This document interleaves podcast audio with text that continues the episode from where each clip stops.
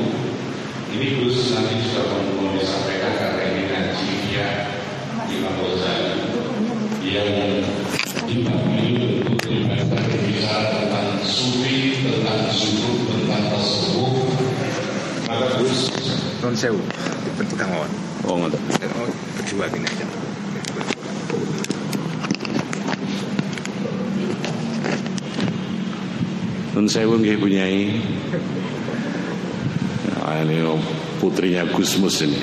Al-alim al-alamah ini bapaknya ini. Jadi ini Gus saya ulangi karena kitab yang mau dikaji adalah kitabnya Imam Ghazali. Umat Islam di dunia ini tahu kitab ini lebih banyak berbicara tentang sufi, zuhud, warok yang nanti Gus Ulil mudah-mudahan disampaikan ada pergeseran orientasi kita umat Islam mungkin mulai dari era tahun 90-an ke sini yang dulu para guru-guru kita salafus soleh zaman dulu itu orang hidup orientasinya hanya kepada surganya Allah bagaimana memperoleh ridho Allah. Sekarang sudah bergeser Gus. Orang memandang bagaimana cara berpenampilan cara berkendaraan ini yang orang kemudian menilai sisi dohirnya saja. Atau bahasa kerennya itu casingnya saja. Isinya mungkin kurang tebel. Tapi karena casingnya bagus jadi orang kemudian menganggap itu hebat. Apa gitu. Nah ini nanti tolong dikupas karena ini ikhya. Lebih kepada arah-arah bagaimana pemikiran umat Islam itu kembali kepada eh, teori yang diajarkan oleh Imam Ghazali. Dan ini saya mengikuti ngajinya Gus Ulil di YouTube. Iya Gus, saya Gus Ulil dulu cil saya nggak percaya, nggak percaya. Tapi tetap orang banyak yang percaya itu Gus. Ini yang harus karena itu kami hadirkan di sini ini dalam rangka sedikit-sedikit untuk menggerus untuk me menghapus kesan itu di masyarakat. Bahwa Gus Ulil tidak begitu. Saya yakin kalau Gus Ulil benar-benar jil mertua orang tua saudara yang di Pati sana, yang di Rembang sana nggak ridho itu, nggak ridho. Nah itu. Yang kedua, Insya Allah kalau saya nanti ikut Gus, ikut mustami di bawah situ, ngajinya Dusul. Nanti kalau ya, apa namanya saya mohon nanti direspon dengan baik. Nanti mau saya ajak ke rumah saya.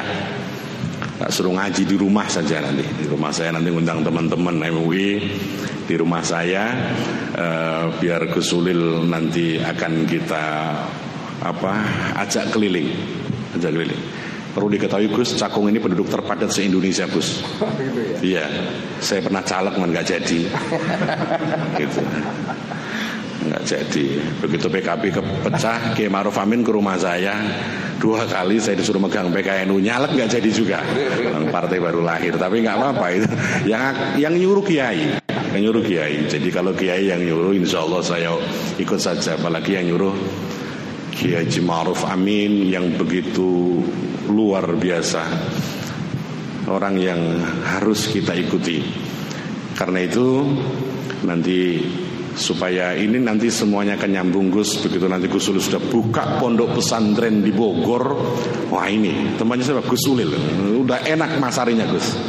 Jadi promosinya sudah enak saya Nanti berani menggaransi bahwa Gusil itu bukan jil gitu. Ini juga terjadi pro kontra Gus di MUI Cakung Gus. Teman-teman itu beberapa datang ke kantor saya, kenapa sih kan pakai Gusul yang diundang? Ya, karena mereka memang belum kenal itu. Jadi akhirnya Ustadz Hasbullah itu memaksa dan pakai Sodri juga oke ya sudah saya oke. Yang Sohibul Baitnya oke saya oke aja gitu. Nah ini Pak Kiai, jadi apa namanya? Ini yang dapat saya sampaikan. Mari teman-teman sekalian, asatid eh, kita simak bersama. Mudah-mudahan nanti penyampaian Gus itu disampaikan dengan penjelasan yang begitu luas. Saya kira kalau ngajinya tidak mesti selembar ini Gus, banyak kan ini. ya sebaris saja, tapi penjelasan yang luas. Loncat-loncat pun juga nggak apa-apa gitu. Saya juga kalau disuruh baca ini nggak bunyi ini Gus. Jadi ini yang saya sampaikan kurang lebihnya. Mohon maaf Terutama saya minta maaf sama Gus Sulil. Bunyai Nyuwun pangapunten Bunyai menawi atur dalam Mboten sekeca. Nyuwun pangapunten. Akhirul kalam Wallahul muwafiq laqamin talik Assalamualaikum warahmatullahi wabarakatuh.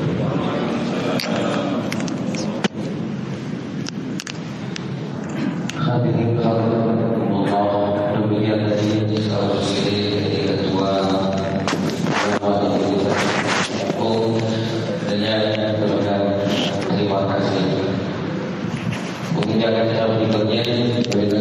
sama-sama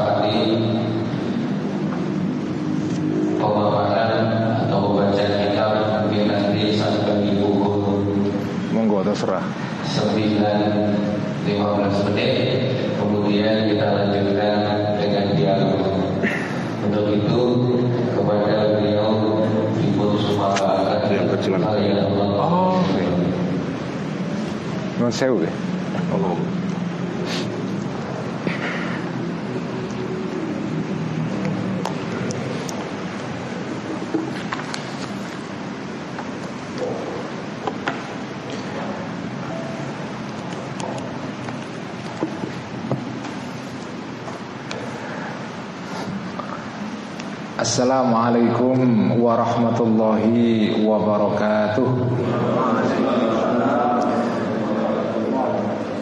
Bismillahirrahmanirrahim Alhamdulillahi rabbil alamin Wassalatu wassalamu ala ashrafil anbiya'i wal mursalin Sayyidina wa maulana Muhammadin Wa ala alihi wa ashabihi Wa man tabi'ahum bi ihsanin ila yaumiddin amma ba'd Hadaratul Muhtaramin para kiai, para masyayikh Terutama kiai Sadri, kiai Munib Dan uh, para tokoh-tokoh yang lain Ketua NU uh, Jakarta Timur yang saya hormati juga Para peserta pengajian Ikhya pada malam hari ini Baik yang di uh, Masjid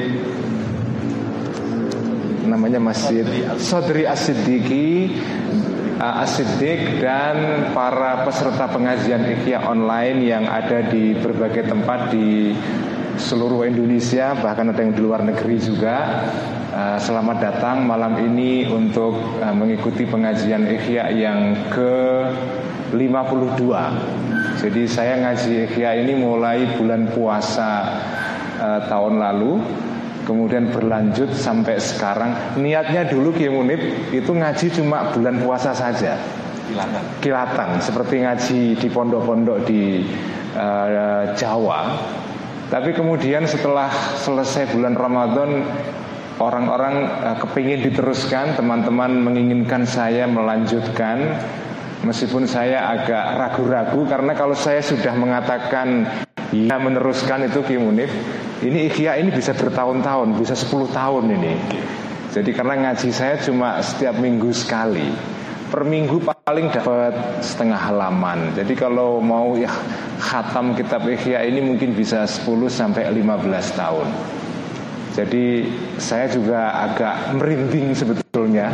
Ini ngaji Ikhya bisa sampai 10-15 tahun Tetapi karena ini saya niati Sebetulnya ngaji Ikhya ini lebih saya niati untuk diri saya sendiri. Jadi ini adalah semacam e, nasihat untuk diri saya sendiri Tetapi kalau ada yang lain ingin mengambil manfaat dari ngaji Ikhya ini tentu saya senang sekali.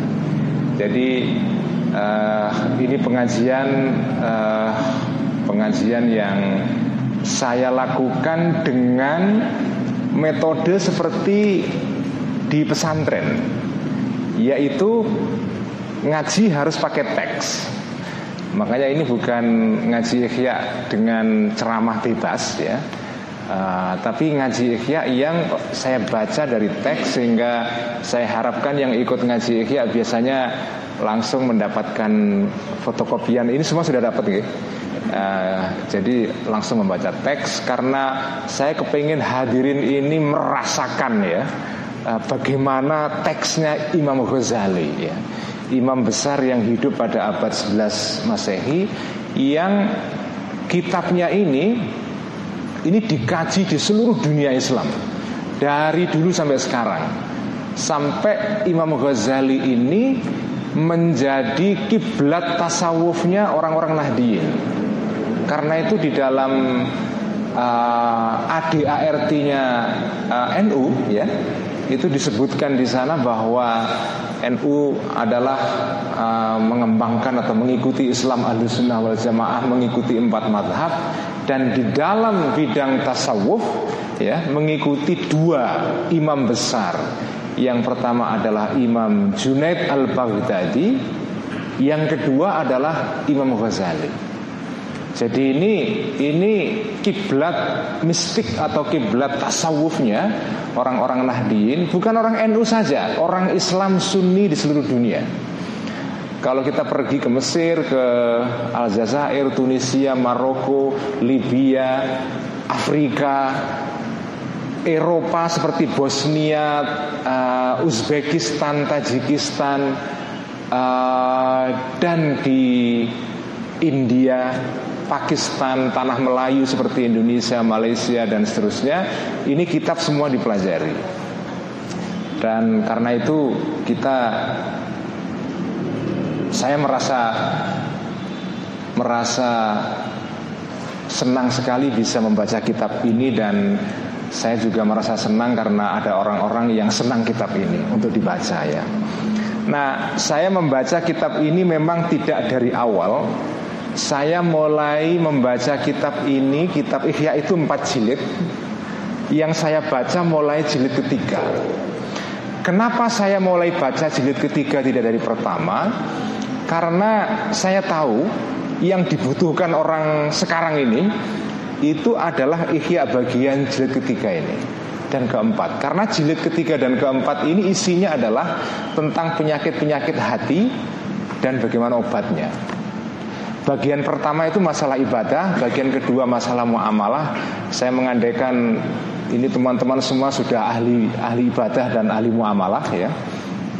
Semoga saja begitu ya. Uh, makanya saya langsung loncat ke bagian ketiga dan keempat yang itu membahas mengenai uh, amrodul khulub mengenai penyakit-penyakit hati wadawa uha dan bagaimana mengobati uh, penyakit-penyakit itu dan ini relevan juga untuk konteks masyarakat kota besar seperti Jakarta yang sebagian besar orang Jakarta saya kira hatinya banyak kena penyakit ya. Jadi ini uh, relevan untuk kita. Saya mendapatkan pelajaran juga yang cukup banyak dari sini. Nanti kalau sudah khatam jilid 3 4 saya akan mundur ke belakang. Jilid 1 2 yang itu masalah ibadah dan masalah muamalah. Nah pada malam hari ini uh, Saya akan baca pada halaman 910 ya uh, di paragraf terakhir ya. Wa min abwabihi hubbut tazayyun.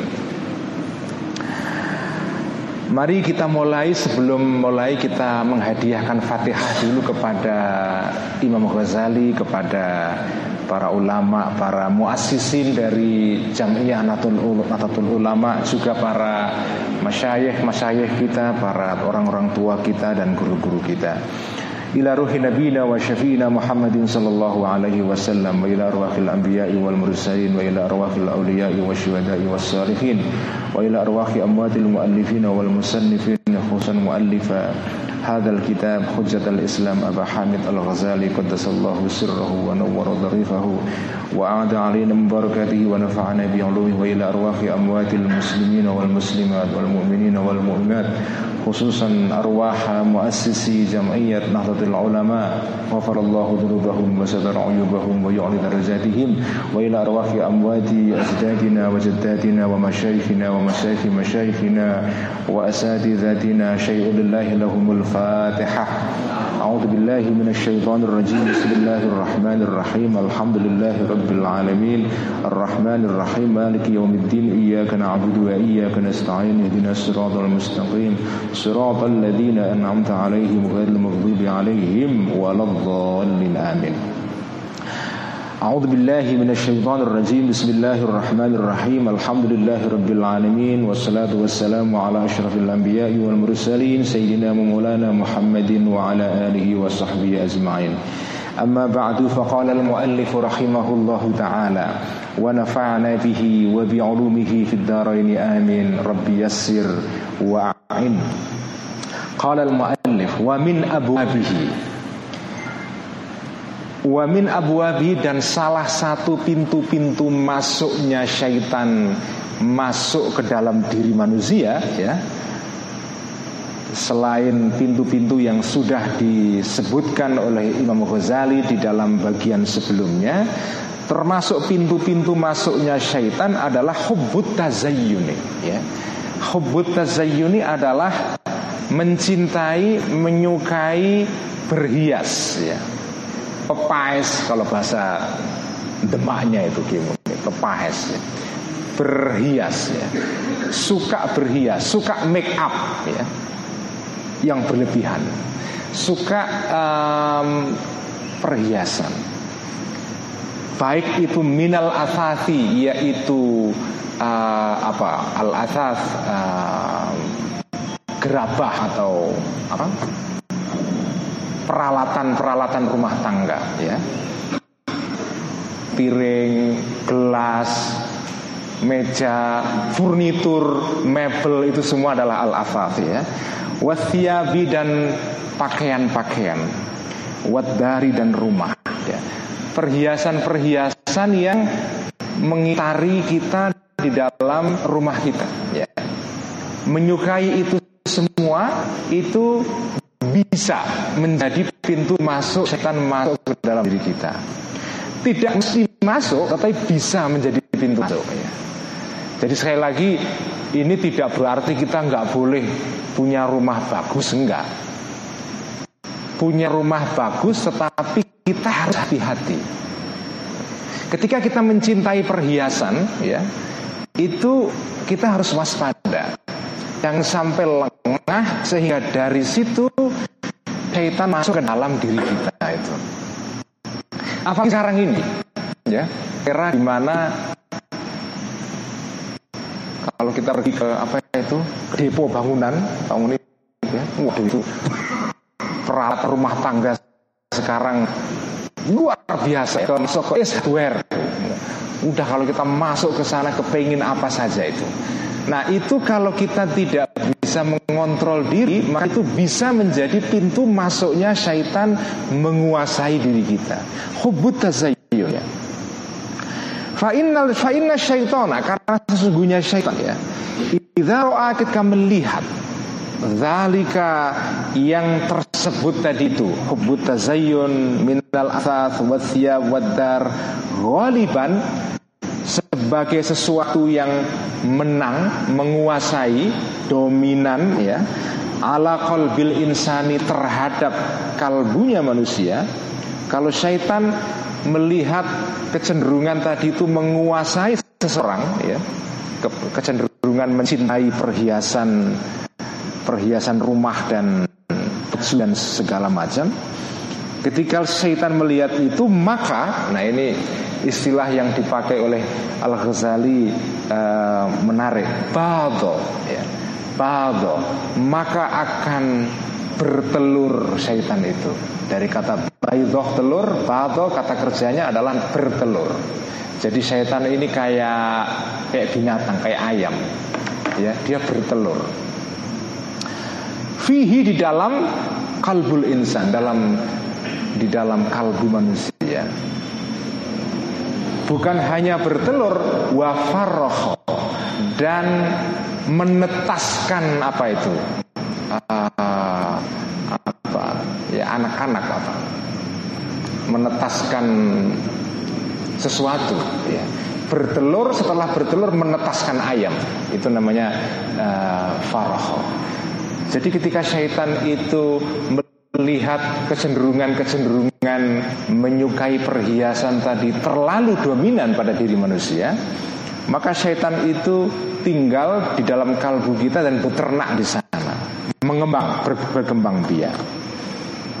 Falayazalu ketika syaitan itu berkembang biak di dalam kalbu manusia, falayazalu maka terus menerus syaitan tadi itu ia da'u mengajak syaitan tadi itu hu terhadap insan, terhadap manusia tadi itu ila imaratid dari untuk membangun dengan mewah apa rumahnya ya rumah rumahnya manusia tadi itu.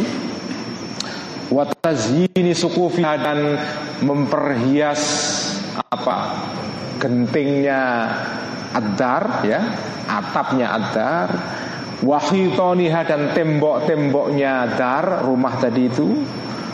Wa tausi'i abniyatiha dan memperluas bangunan-bangunannya ada tadi itu.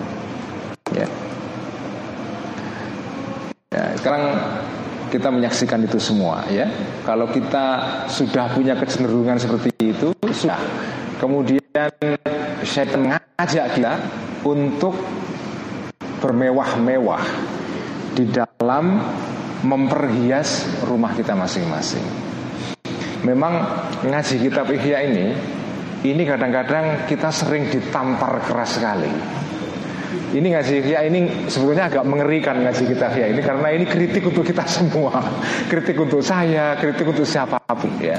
Dan ya kadang-kadang sakit karena kita ditampar ya, tetapi ini berguna jadi gunanya ngaji ikhya itu sebetulnya adalah seperti saya katakan dalam pengajian ikhya setiap minggu. Gunanya ngaji ikhya adalah menciptakan kemampuan diri untuk apa? Untuk ber, untuk menahan diri. Supaya kita kalau mencintai sesuatu itu tidak kebablasan.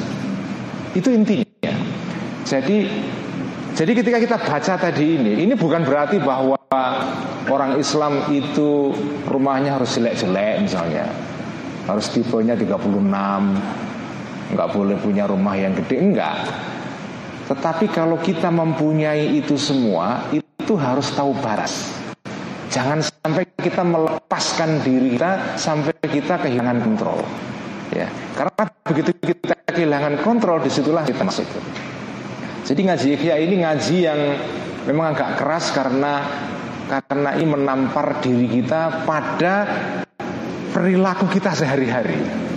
Karena itu agak berat ngaji ya karena ya itu itu kritiknya itu kritik ke detail-detail tindakan kita sehari-hari. Ini kan ini ini kalau kita baca ini ini apalagi kalau di sini ada pemborong rumah masih tersinggung ini. ini ini pengajian yang apa bagian yang saya baca ini ini bagian yang agak agak sedikit menyinggung banyak orang ini. Jadi sukaan berhias ya. Dan sebagai keterangan juga tasawuf di dalam sejarah Islam itu memang kemunculan munculannya unik Bapak dan Bapak sekalian ya. Tasawuf itu muncul di dalam dunia Islam itu pada saat ketika orang Islam itu jaya, menang, kerajaan Islam meluas sampai ke mana-mana, dan ibu kota Baghdad di pada saat itu pada Al-Ghazali ini hidup pada abad 11 Masehi pada era uh, kerajaan Abbasiyah di Baghdad ya. Itu kerajaan Baghdad ketika itu itu luar biasa mewahnya. Jadi kemunculan tasawuf itu sebetulnya seperti kritik ya.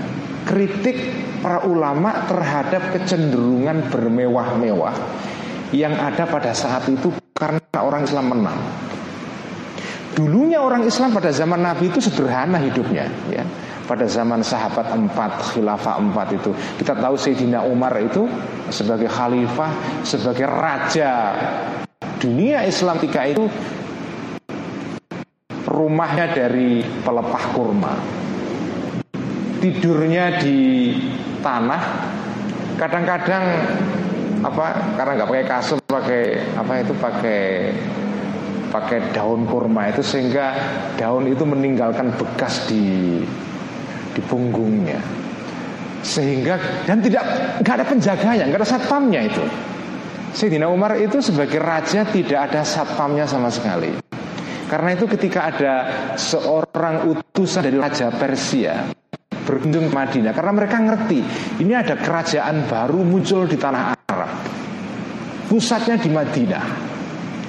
Lalu mereka kirim orang ke Madinah ingin tahu bagaimana kebesaran kerajaan orang Arab. Karena orang Arab itu sepanjang sejarah nggak punya kerajaan. Kerajaan-kerajaan besar itu adanya di Persia, di daerah Iran dan Irak sekarang ini, sama kerajaan Romawi yang pusatnya di Bizantium di Turki sekarang. Orang Arab tidak pernah punya kerajaan, nggak pernah sama sekali. Sebelum kedatangan Nabi Muhammad, Shallallahu Alaihi Wasallam orang Arab tidak pernah punya kerajaan. Pertama kali ada kerajaan orang Arab ketika Islam datang. Tapi kak Raja Persia dengar ada ini raja kerajaan Arab ini.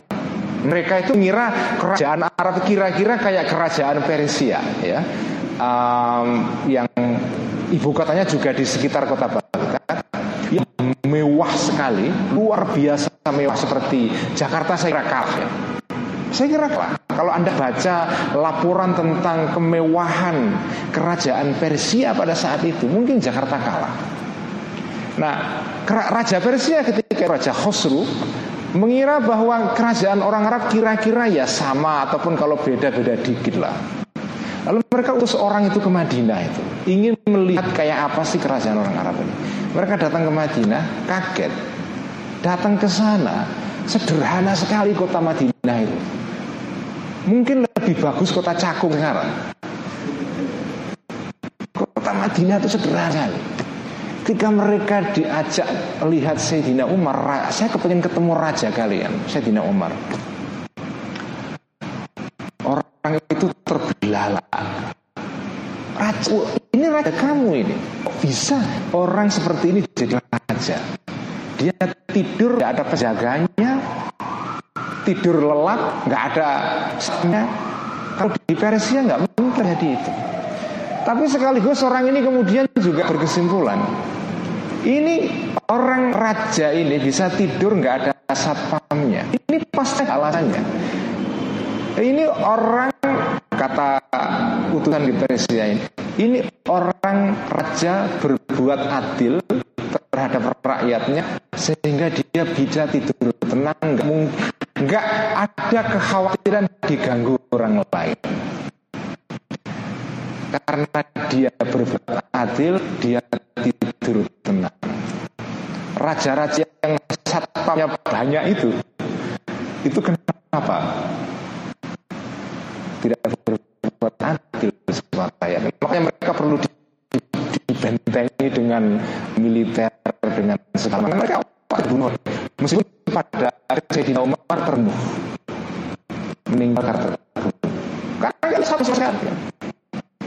Nggak bisa sama sekali. Meninggalkan kerajaan Islam semuanya. Tapi kemudian ketika orang Islam mulai menang-menang, kita besar kerajaannya, sebagian melakukan hidup sederhana, kemudian mereka bermewah-mewah. Itu yang dikisahkan oleh Khawun dalam buku sejarah yang pernah Abu Imam Jilid ya banyak kenal banyak orang itu Muqatlah Ibnu Khaldun beliau di situ menjelaskan bagaimana perjalanan orang Arab dari orang Badui menang lalu mereka menjadi besar punya kerajaan lalu mereka mengikuti cara hidup orang di sekitar Arab. Orang orang Romawi. Nah mereka akhirnya mengikuti cara hidup bangsa-bangsa di luar Arab itu hidup mewah-mewah ya.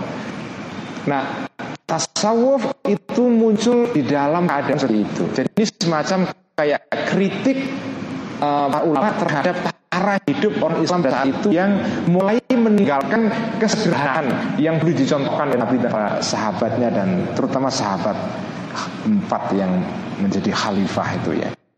Maka ini kalau kita baca ini, ini sebetulnya alamat dari kalimat Al Ghazali di sini adalah semacam kritik kepada kepada kebiasaan orang Islam saat itu yang sudah mulai bermewah-mewah. Baik, saya teruskan. Uh, jadi ketika ketika syaitan itu melihat kecenderungan tadi itu dominan pada manusia pada seseorang maka syaitan akan menggunakan itu sebagai alat untuk menguasai orang ya diajaklah dia untuk uh, menyukai perhiasan-perhiasan itu sehingga kehilangan kontrol jadi menyukai barang-barang itu harus hati-hati juga. Ya, ini pesan Al Ghazali. Jadi kita boleh suka sesuatu, tapi harus hati-hati. Karena jangan-jangan itu jalan kekuatan jahat namanya syaitan itu masuk ke dalam manusia. Dan kata Nabi, sabda Nabi itu, syaitan itu sebetulnya bukan sesuatu yang di luar, Syaitan itu masuk ke dalam diri kita dan mengalir bersama kita kayak darah ini. Dibayangkan, syaitan itu mengalir di dalam darah kita.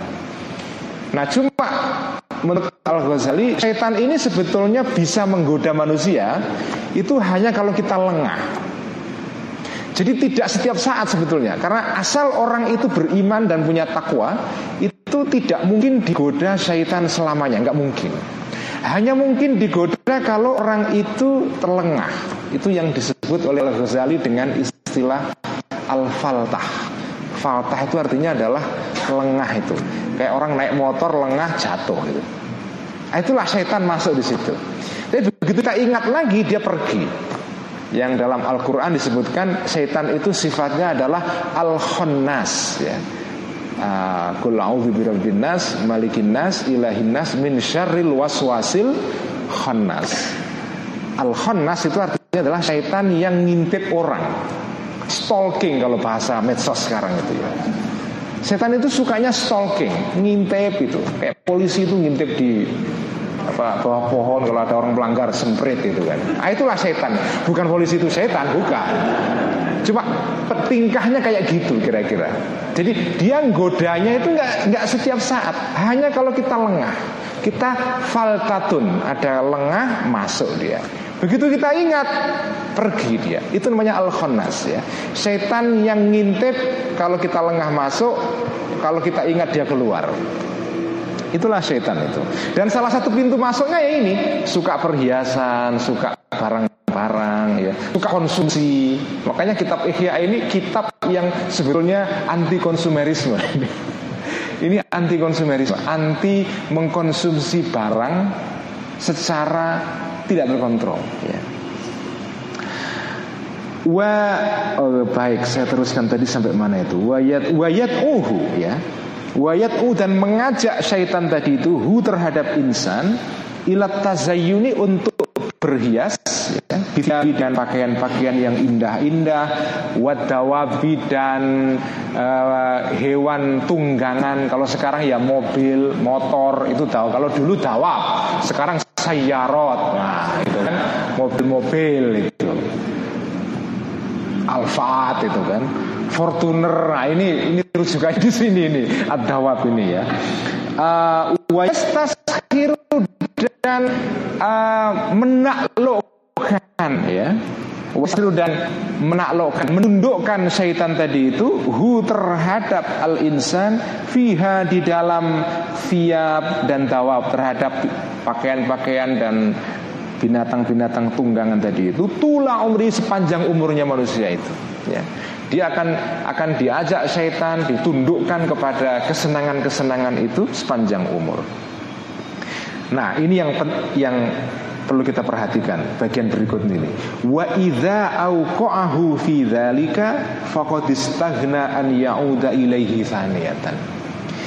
Wa idza auqa'a dan ketika menjerumuskan ya. Wa idza auqa'a dan ketika menjerumuskan men, uh, menjatuhkan secara harfiah tapi saya maknai menjerumuskan syaitan tadi itu hu terhadap insan fidzalika di dalam tazayyun tadi itu berhias tadi itu. Kalau dia sudah dijerumuskan ke dalam apa di dalam kesenangan-kesenangan untuk berhias tadi itu dan sudah masuk di dalam jebakannya syaitan maka fakodis maka maka sungguh uh, telah apa merasa cukup ya syaitan tadi itu. Artinya dia nggak butuh lagi menggoda orang. Begitu orang itu sudah jatuh di perangkap syaitan syaitan kemudian pergi. Nggak perlu nggak perlu digoda lagi udah ya.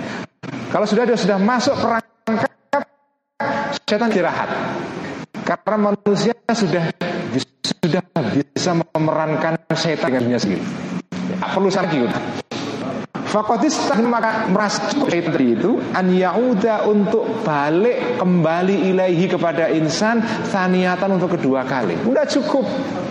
Kalau sudah masuk perangkap setan pergi nggak bisa keluar sudah kita itu ya.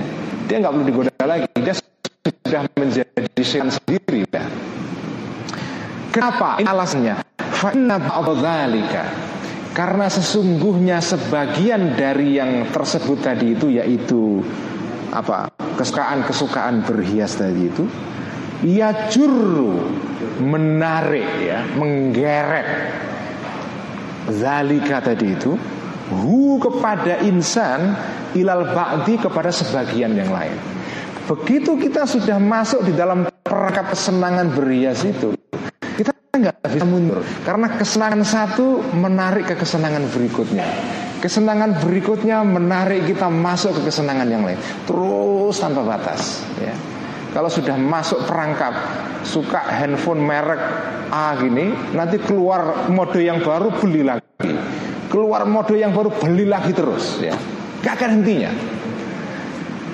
Dan Dan ini sebenarnya Ini kan sebetulnya Apa ya cara kerja jiwa manusia kan. Kalau kita sudah menyukai sesuatu dan nggak bisa ngontrol, kita akan terus menerus tergeret oleh perasaan ini dan akhirnya kita pada ujungnya kita akan akan mengalami kerusakan sendiri ya. Sebetulnya proses kejiwaan semacam inilah yang sekarang digunakan oleh perusahaan-perusahaan modern untuk memasarkan barang ya kan? Konsumerisme modern itu kan muncul karena ini kesenangan yang satu menarik kita kepada kesenangan berikutnya. Kalau sudah namanya hobi ya, itu kalau sudah hobi itu udah orang itu bisa mengeluarkan uang tanpa batas. Namanya bisnis hobi di Jakarta ini. Kalau orang sudah hobi moge apa namanya? motor gede atau motor atau mobil modifikasi udah itu orang bisa spending uang tanpa batas. Nah sebetulnya Al Ghazali itu yang dimaunya adalah dengan pembahasan ini oke okay, kita boleh suka sesuatu tapi ingat ya. eling lan waspada itu kalau bahasa Jawanya eling dan was ingat dan waspada ya. Itu filosofi orang Jawa itu Jangan-jangan dari kitab al-khiyat Jangan-jangan itu. Jangan-jangan itu. Eling lan waspodo Ingat dan waspada. Boleh menyukai sesuatu tapi ingat. Ada batasnya. Karena begitu kita lupa daratan Itu kayak orang judi. Kalah merasa kemeropok apa kemeropok itu ya? Uh, terbakar hatinya ya. kalau orang judi kalah panas kan? Naruh lagi naruh kalah lagi naruh lagi lebih besar lagi sampai akhirnya bangkrut. Itulah itulah cara syaitan me, me, merusak merusak jiwa manusia merusak apa itu rohani manusia itu. Dan dan ini yang di, di apa di diwanti-wanti oleh Al Ghazali supaya orang Muslim tidak jatuh ke dalam uh, jebakan itu. Jadi Quran itu seperti seperti kartu domino, ya jatuh satu semua jatuh semua. Kesukaan itu seperti kartu domino.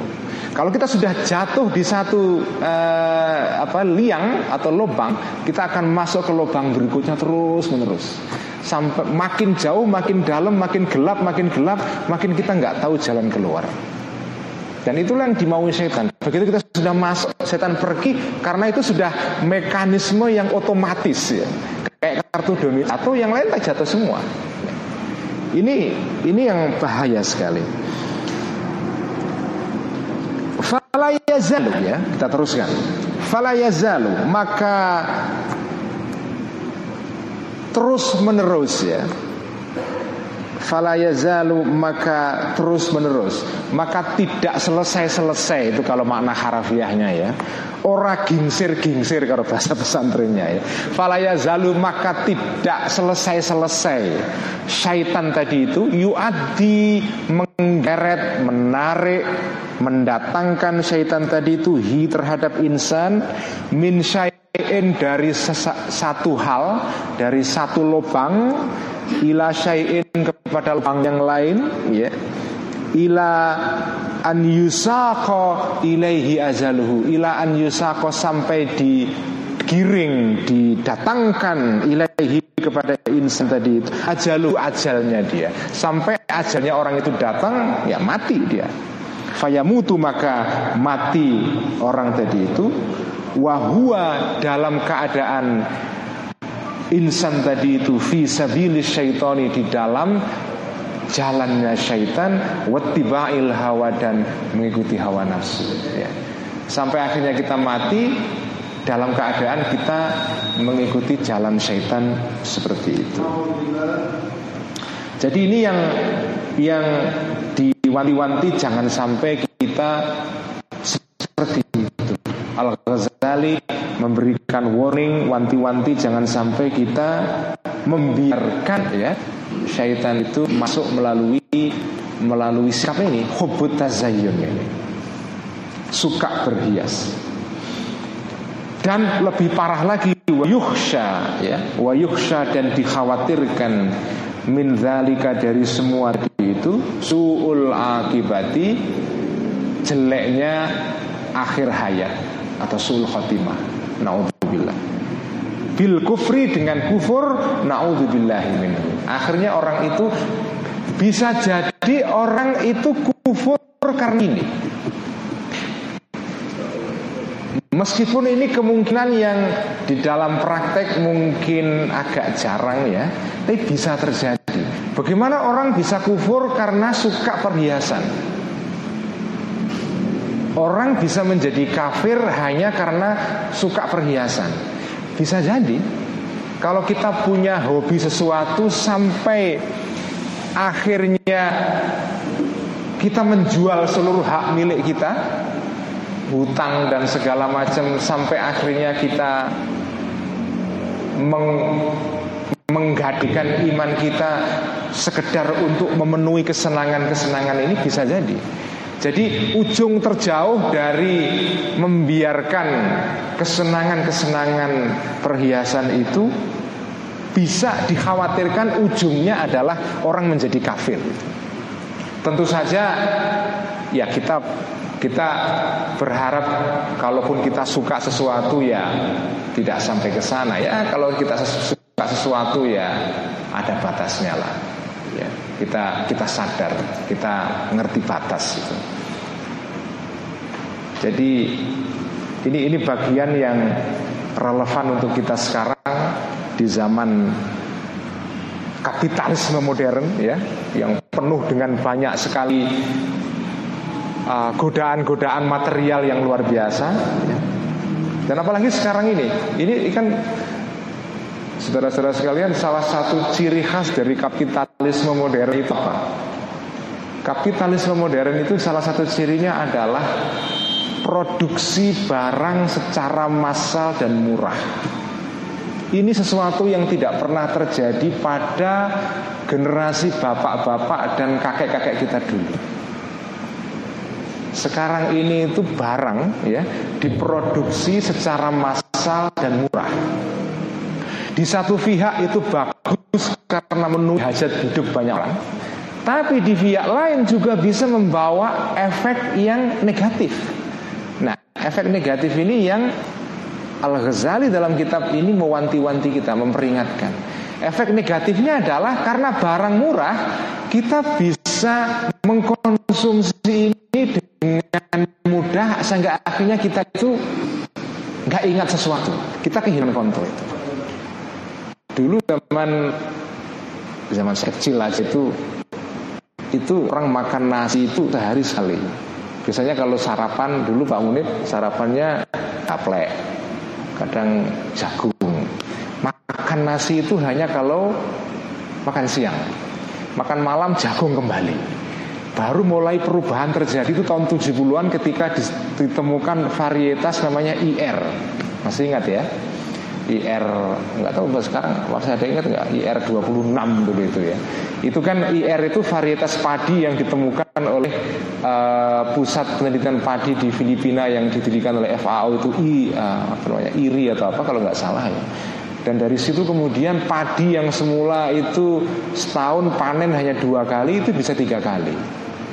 Waktunya pendek kemudian hasilnya besar banyak ya berkat Pak Harto dulu ya. Uh, akhirnya orang Indonesia bisa makan nasi dari pagi sampai malam.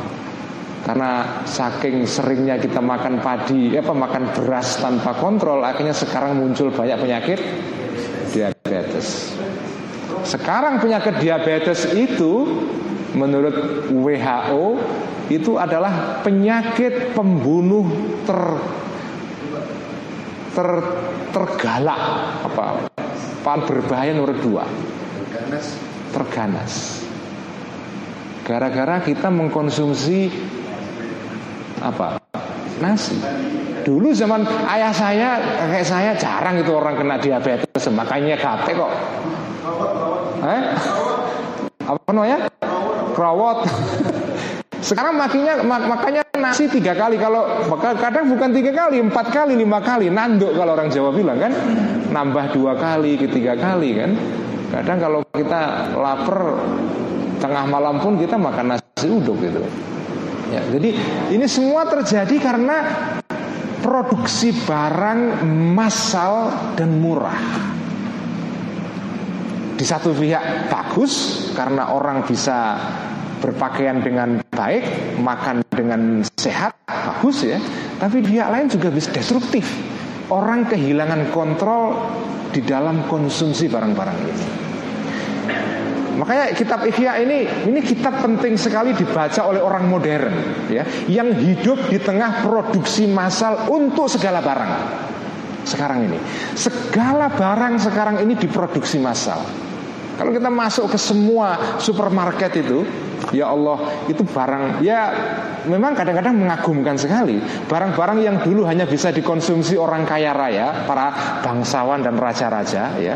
Dulu itu namanya batik itu Itu yang bisa pakai itu kalau di Solo itu Itu hanya raja-raja dulu. Rakyat kecil itu nggak bisa pakai batik itu. Batik itu dulu di Apa namanya uh, ya ditulis kan batik tulis itu itu bikinnya aja berbulan-bulan itu harganya mahal hanya orang bangsawan aja yang bisa bikin itu. Sekarang dengan adanya batik printing, ya, bisa produksi massal, bahkan Cina pun sekarang bikin batik sekarang. Dan makin murah dan semua orang bisa beli sekarang dan sekarang menjadi pakaian nasional kan bagus ya itu bagus semua. Jadi gini loh memahami kitab Ihya ini jangan kemudian kok wah ini artinya kita harus menjauhi enggak boleh kita bergelut dengan dunia ini tapi harus waspada. Boleh belanja ke mall, boleh ya, boleh nggak apa-apa. Boleh ke Tanah Abang, apa? Tamrin City itu ibu-ibu sukanya Tamrin City itu. Belanja barang kodian itu, oke nggak apa-apa, tapi tahu tahu tahu batas. Ya. Jadi jadi ikhya itu mengajarkan kepada kita supaya kita tahu limit ya, limit al-haddu, limit batas itu. Saya akan teruskan sedikit um, sampai satu paragraf ya.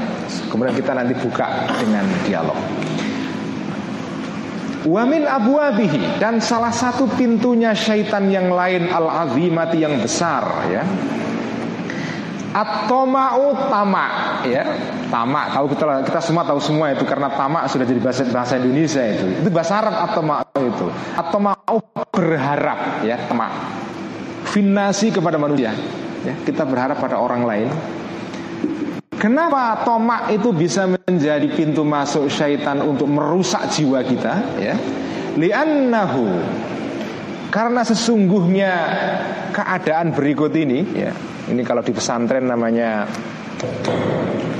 namanya domir sya'an ya. Kenapa disebut domir sya'an? Karena dia merujuk kepada keadaan yang terjadi sesudahnya. Karena biasanya domir itu di dalam ilmu nahwu rujuknya itu ke depan ya. Dia itu kan dia dia sebelumnya kan. Tapi kalau domir sya'an itu rujuknya ke sesudahnya. Jadi rujuk kepada merefer, merujuk kepada sesuatu yang terletak sesudahnya. Hanya ada satu domir yang aneh seperti ini Domir sya'an namanya Semua domir itu merujuk kepada hal-hal sebelumnya Hanya ada satu domir dalam bahasa Arab yang merujuk ke hal-hal yang datang sesudahnya. Itu disebut dengan domir sya'an Kalau di pondok dulu maknanya itu Krono setungguni kelakuan. Nah, kalau saya memaknai dalam bahasa Indonesia karena sesungguhnya keadaan berikut ini ya, Idza ghalaba ketika menjadi dominan, menjadi menang atau mau perasaan tamak atau berharap ya, kepingin dominan alal kolbi terhadap kalbunya manusia maka lam yazal maka terus menerus asyaitonu syaitan yuhabbibu menjadikan senang syaitan tadi itu menyenangkan atau menjadikan senang ilaihi kepada insan kepada manusia atau kepada kalbu juga bisa. Yuhabbibu atas menjadikan senang apa? Atas untuk bermanis-manis itu namanya tasono berbuat-buat apa bertindak secara dibuat-buat artifisial ya itu tasono kalau kita sudah tamak kepingin mendapatkan sesuatu dari orang lain, kita kan berusaha untuk berbaik-baik kepada orang itu. Ini namanya tasono. Diplomasi kalau bahasa sekarang ya. Lip service itu tasono. Berbuat-buat secara tidak alamiah. Watazayyuna dan berhias. Wah, kalau orang sudah senang kepingin apa dapat jabatan dari orang ya kita berbaik-baik dengan bos kita kirim parel ya kalau lebaran Liman bagi orang toma'a yang berharap orang tadi itu fihi di dalam man pada orang tadi itu Berhias dengan cara apa? Bi anwa'ir riyai dengan segala bentuk pamer Wattal bisi dan tipuan-tipuan. Hatta yasiro sehingga menjadi Hatta yasiro sehingga menjadi uh, al-matmu'u sesuatu yang dikepingini, diinginkan fihi di dalam di dalam sesuatu itu, di dalam al ya, alnya itu al mausulah fihi kembalinya kepada al. Hatta yasiro sehingga jadi al sesuatu al mausul matmu'u yang dikepingini fihi di dalam al dalam sesuatu tadi itu ka'annahu sehingga uh, sesungguhnya apa sehingga seolah-olah sesuatu tadi itu makbuduhu adalah sesembahan orang itu. Jadi ini kritik Al Ghazali ini tajam sekali. Dan saya menduga Al-Ghazali bisa mengatakan ini karena beliau pernah mengalami. Jadi orang itu kalau berharap sesuatu dari orang lain Dari bosnya, dari kekuasaan yang ada di atas dia Dari orang lain lah. Entah berharap jabatan, kekayaan Atau kepengen dapat apa kata belece atau rekomendasi kalau sekarang kan ini ini era pilkada sekarang ya. Rekomendasi dibutuhkan di mana-mana ya. pada saat orang itu tamak terhadap rekomendasi kalau bahasa sekarang ya maka orang itu biasanya akan berbuat sesuatu apa pun yang ya membuat dia bisa mencapai tujuannya. Dia ya bermanis-manis lip service dan seterusnya sehingga orang yang menjadi tujuan apa harapan dia itu orang yang di yang diharapkan bisa memberikan dia keuntungan itu itu menjadi semacam Tuhan sesembahan dia. Al Ghazali itu dulu waktu masih muda itu dulu pernah pernah menjadi semacam kayak asisten pribadinya perdana menteri besar Baghdad ketika itu ya namanya namanya Nizamul Mulk. Al Ghazali itu anak muda yang cerdas sekali. Beliau itu dari pesantren. Jadi ini ini kisahnya Al Ghazali itu menarik. Dia ini ini santri muda yang cemerlang. Mondoknya dulu di daerah Khorasan namanya. Khorasan itu uh, di Iran di Iran bagian utara. Jadi beliau itu mondoknya di Khurasan Diasuh oleh seorang ulama besar yang menjadi salah satu ya panutan dalam madhab syafi'i yaitu Imam Haramain ya, Al-Zuwaini yang menulis kitab Matan Warokot ya yang dikasih di semua pondok pesantren. Kalau kita ngaji usul fikih jurumiyahnya usul fikih itu Matan Warokot itu yang ngarang adalah Imam Juwaini gurunya Imam Ghazali. Beliau ngaji dengan Imam Juwaini itu bertahun-tahun sampai beliau meninggal. Setelah meninggal beliau pergi ke Baghdad untuk ya namanya anak muda yang penuh dengan cita-cita kan? Pergi ke Jakarta untuk nyari ya kesempatan supaya dapat sesuatu lah. Ini kayak anak pesantren Jombang gitu pergi ke Jakarta ke Ciputat ya ke UIN Syarif Hidayatullah gitu kan. Saya bayangkan begitu. Nah setelah karena cemerlang sekali Perdana Menteri ketika itu Nizamul Mulk itu tertarik dengan anak ini. Ini anak cemerlang sekali, pengetahuan tentang fikih syafi'inya luar biasa dan ahli debat ahli debat Al Ghazali. Karena gurunya Al, Al Ghazali yaitu Imam Haramain itu ahli debat. Terkenal ahli debat. Dan kebetulan karena di Khurasan itu yang paling dominan adalah madhab Hanafi. Imam Juwaini ini madhab Syafi'i ya. Dan dia ini kalau debat kalah semua orang-orang Hanafi itu. Sehingga akhirnya dimusuhi orang-orang Hanafi di sana. Tapi kalah semua mereka kalau debat itu Karena Muhammad ini ahli debat. Sehingga beliau nulis buku tentang tata cara berdebat. Judulnya Kitabul Jadal. Karena gurunya ahli debat Muridnya ahli debat namanya Al-Ghazali ini. Begitu dia pergi ke Baghdad Ini tertarik uh, Perdana Menteri ini. Kira-kira apalah ya, Perdana Menteri sekarang ya kayak Kayak Menko Menteri Koordinator Kira-kira gitu ya Pak Luhut ini tertarik dengan orang ini kira-kira gitu ya. Karena cerdas ini ya. Pak Luhutnya zaman itu ya. Dipanggillah dia ke istananya Perdana Menteri Nizamul Mulk ini. Lalu dijadikan asisten. Nah Al-Ghazali itu ketika sudah sepuh menulis kitab Ihya ini Beliau merefleksikan perjalanannya dulu waktu muda. Beliau mengakui waktu muda dulu itu memang ya punya keinginan-keinginan duniawi seperti ini supaya dapat jabatan, dapat gaji besar. Tapi ini zaman muda dulu. Karena itu saya sering kali mengatakan Al-Ghazali itu pernah mengeluarkan pernyataan yang terkenal sekali.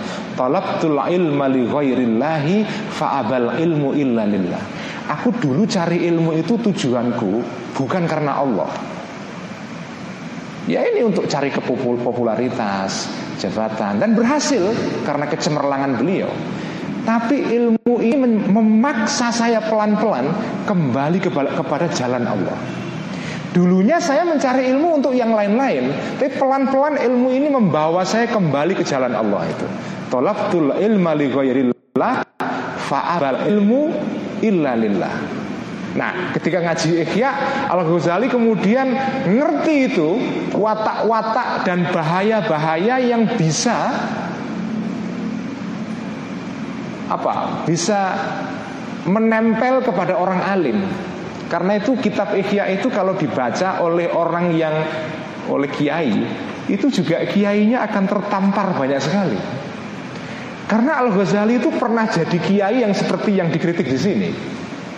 Makanya membaca kitab Ihya itu memang sakit. Kalau nggak betah itu kita akan tutup ini. Ini kok kayaknya saya disindir terus di sini. Iya kan?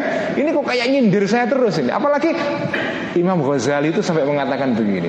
Ki ulama yang paling banyak dikritik oleh Imam Ghazali dalam kitab ya, dalam juz pertama siapa? Ulama fikih Ulama fikih itu ulama yang paling banyak dikritik dalam kitab Ihya. Kenapa? Karena Al-Ghazali pernah mengalami penyakit-penyakit yang dialami oleh orang-orang ahli fikih itu. Al-Ghazali itu ahli fikih Gurunya ahli fikih syafi'i Beliau sendiri ahli fikih Ngarang kitab fikih banyak sekali ya dan beliau ngerti kitab fikih ini memang kalau tidak orang yang ahli fikih kalau nggak dikontrol hatinya bisa kena penyakit setan juga. Makanya kitab Ihya ini kalau dibaca itu memang nyakitin hati betul karena ya kayak kita dijewer terus itu. Yang ulama dijewer, yang ustadz dijewer, ya. ketua MUI juga dijewer. Ya.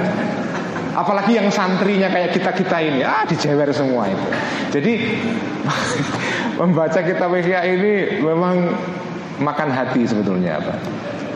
Harus sabar karena ini nyindir kita terus ini. Saya juga disindir terus di sini sebetulnya. uh, jadi inilah, uh, jadi orang yang tamak kepada seseorang maka orang yang ditamai itu bisa menjadi seperti Tuhan sesembahan.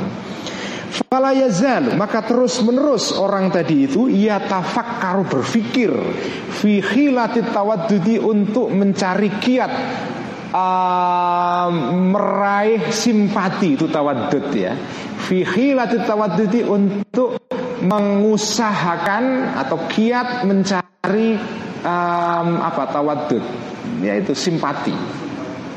Wat dan senang apa menyenangkan ya ilaihi kepada al matmu tadi itu atau kepada ya al matmu al matmu fihi orang yang ditamai ya Wayat hulu dan masuk orang yang tamak tadi itu Kula madkholin segala jalan Dia masuk segala jalan Lil wusuli untuk sampai ila dhalika kepada yang tersebut yang dituju tadi itu.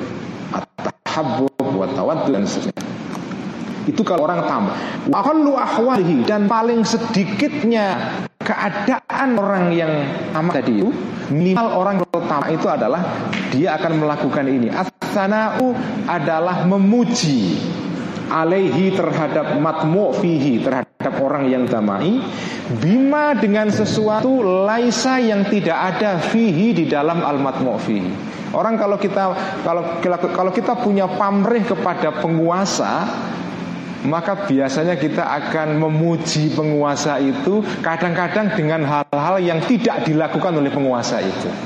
Ya, seperti ingat kisah tentang raja yang telanjang itu ya. Ingat kan ada ada kisah tentang raja yang panjang. Ini di sebuah kerajaan antah berantah ya. Ini cerita dari apa seorang pengarang dari Denmark namanya Andersen dia membuat kisah tapi ini sindiran sebetulnya. Jadi di sebuah kerajaan ada raja yang telanjang. Tapi penderek-pendereknya di sekitarnya itu nggak berani bilang kalau dia telanjang. Lalu dia mengatakan bahwa raja ini berpakaian bagus sekali. Sampai raja yang telanjang ini percaya kalau dia itu berpakaian bagus. Sampai saya, oh, nggak ada yang berani. Wah raja ini bagus sekali pakaiannya mewah dan padahal telanjang. Sampai satu ketika raja jalan, ada anak kecil yang nggak ngerti apa-apa teriak, raja telanjang. Akhirnya semua orang semua orang sadar itu, raja telanjang. Jadi yang berani bilang telanjang anak kecil. Pendereknya semua nggak berani. Itulah yang terjadi. Kalau orang tamak, dia akan memuji orang yang ditamai itu dengan segala sesuatu yang nggak ada pada orang itu. Wal mudahanatu dan berdiplomasi. Apa? Mudahana itu berkelak-kelok untuk ya untuk menarik hatinya orang yang ditamai. Diplomasi ya. Lahu kepada almat mofihi bitarkil amri dengan cara meninggalkan amar ya perintah bil ma'rufi dengan barang yang baik dan mencegah anil mungkari dari sesuatu yang jahat Akhirnya dia nggak berani amar ma'ruf nahi mungkar kepada orang itu karena dia kepingin mendapatkan sesuatu dari orang itu. Itulah minimal kalau orang punya tamak. Ini kan ini ditulis oleh Al-Ghazali abad 11 Sekarang kita hidup pada abad 21 Kira-kira berapa? Seribu tahun yang lalu Al-Ghazali sudah menulis begini rasanya masih seperti kemarin sore. Bener nggak? Ya kan? Al Ghazali menulis kalimat ini seribu tahun yang lalu. Tetapi kita baca sekarang ini kok kayak kemarin sore. Artinya apa? Ya manusia itu masalahnya itu dari dulu sampai sekarang sama.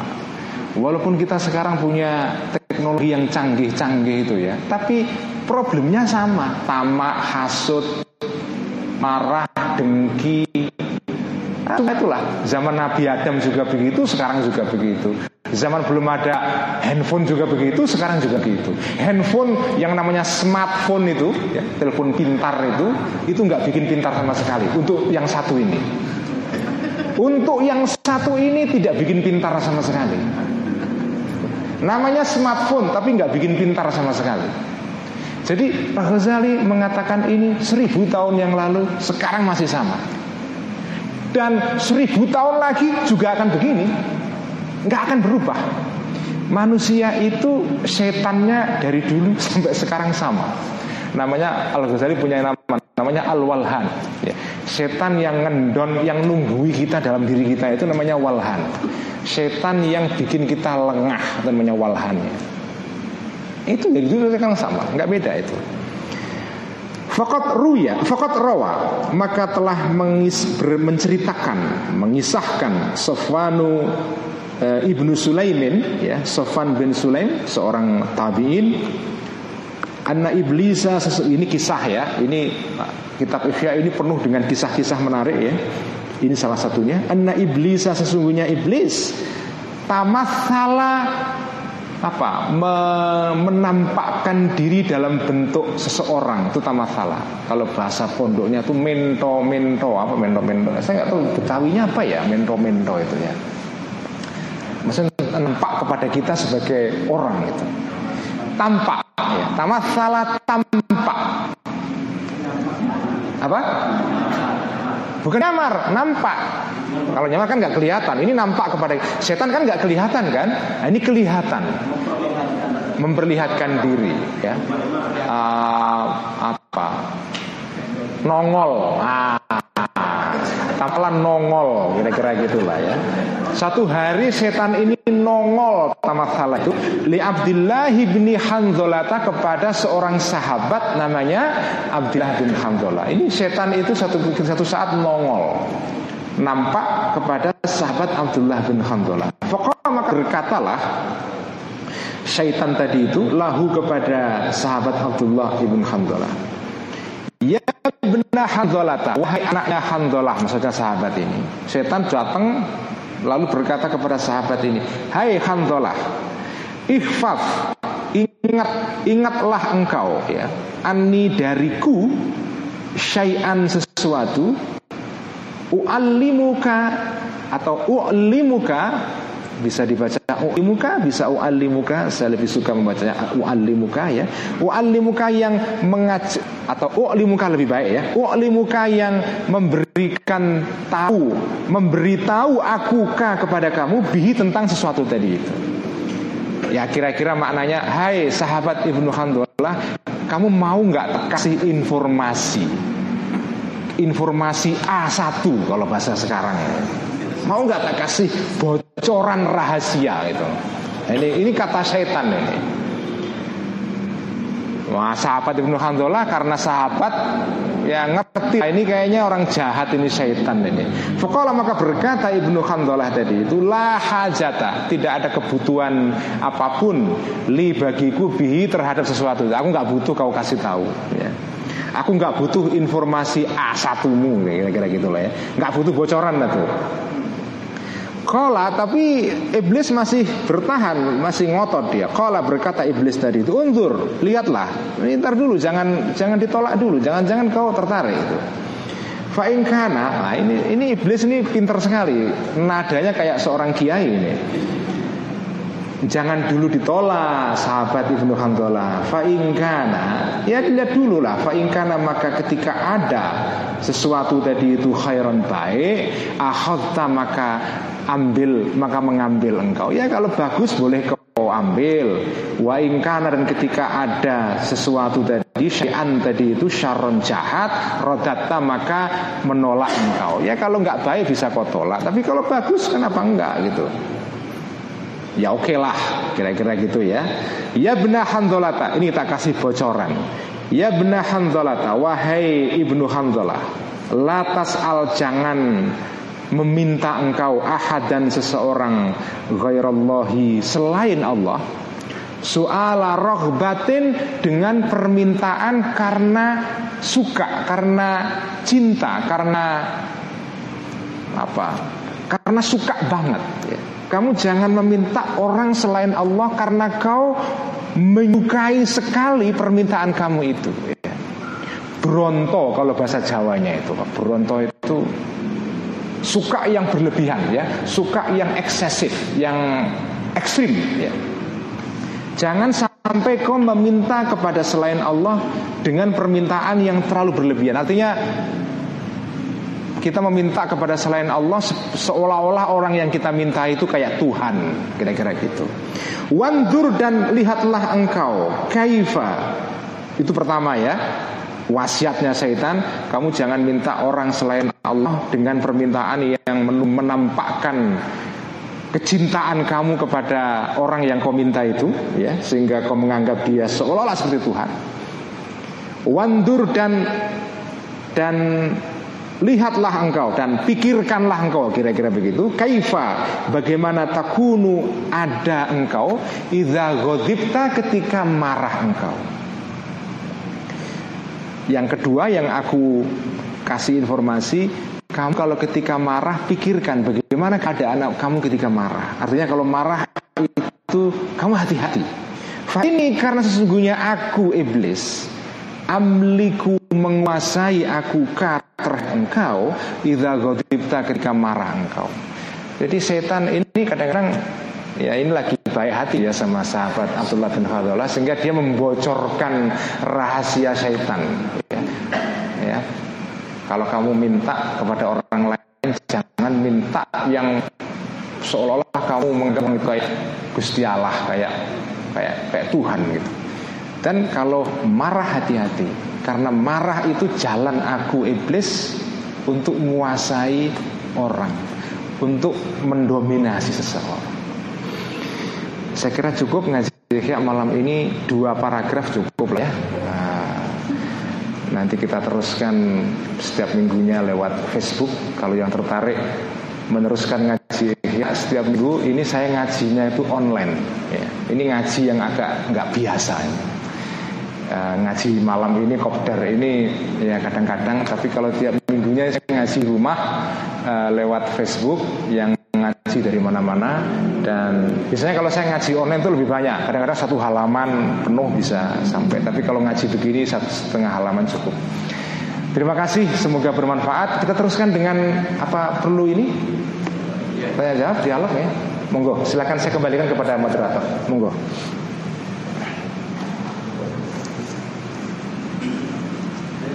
Hadirin hadirat Allah luar biasa dua ini yang satu untuk melengkapi pelabuhan kita malam ini kepada hadirin hadirat yang masih ada muskilah dipersilakan. Silahkan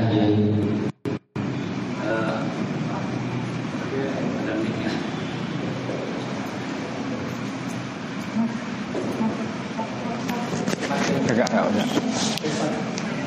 Enggak, enggak, enggak, jangan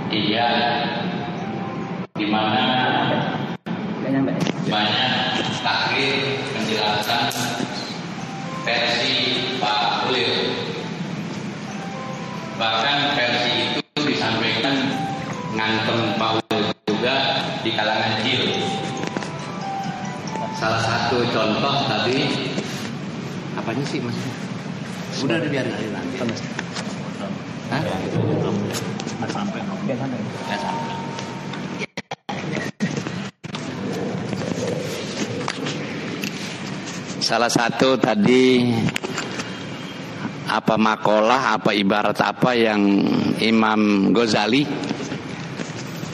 Masih usia mudanya ada ucapan saya belum jelas tadi tolabtul tolabtul ilma mencari ilmu dengan tujuan dunia. Tujuan politik tujuan sesuatu ingin ngetop akhirnya kembali lagi kepada yang sebenarnya saya pikir Pak Ulil Absar juga kerjaan ini kalau saya simak begitu saya tadi menyeletuk karena lagi baca kitab jadi saya tahan dulu.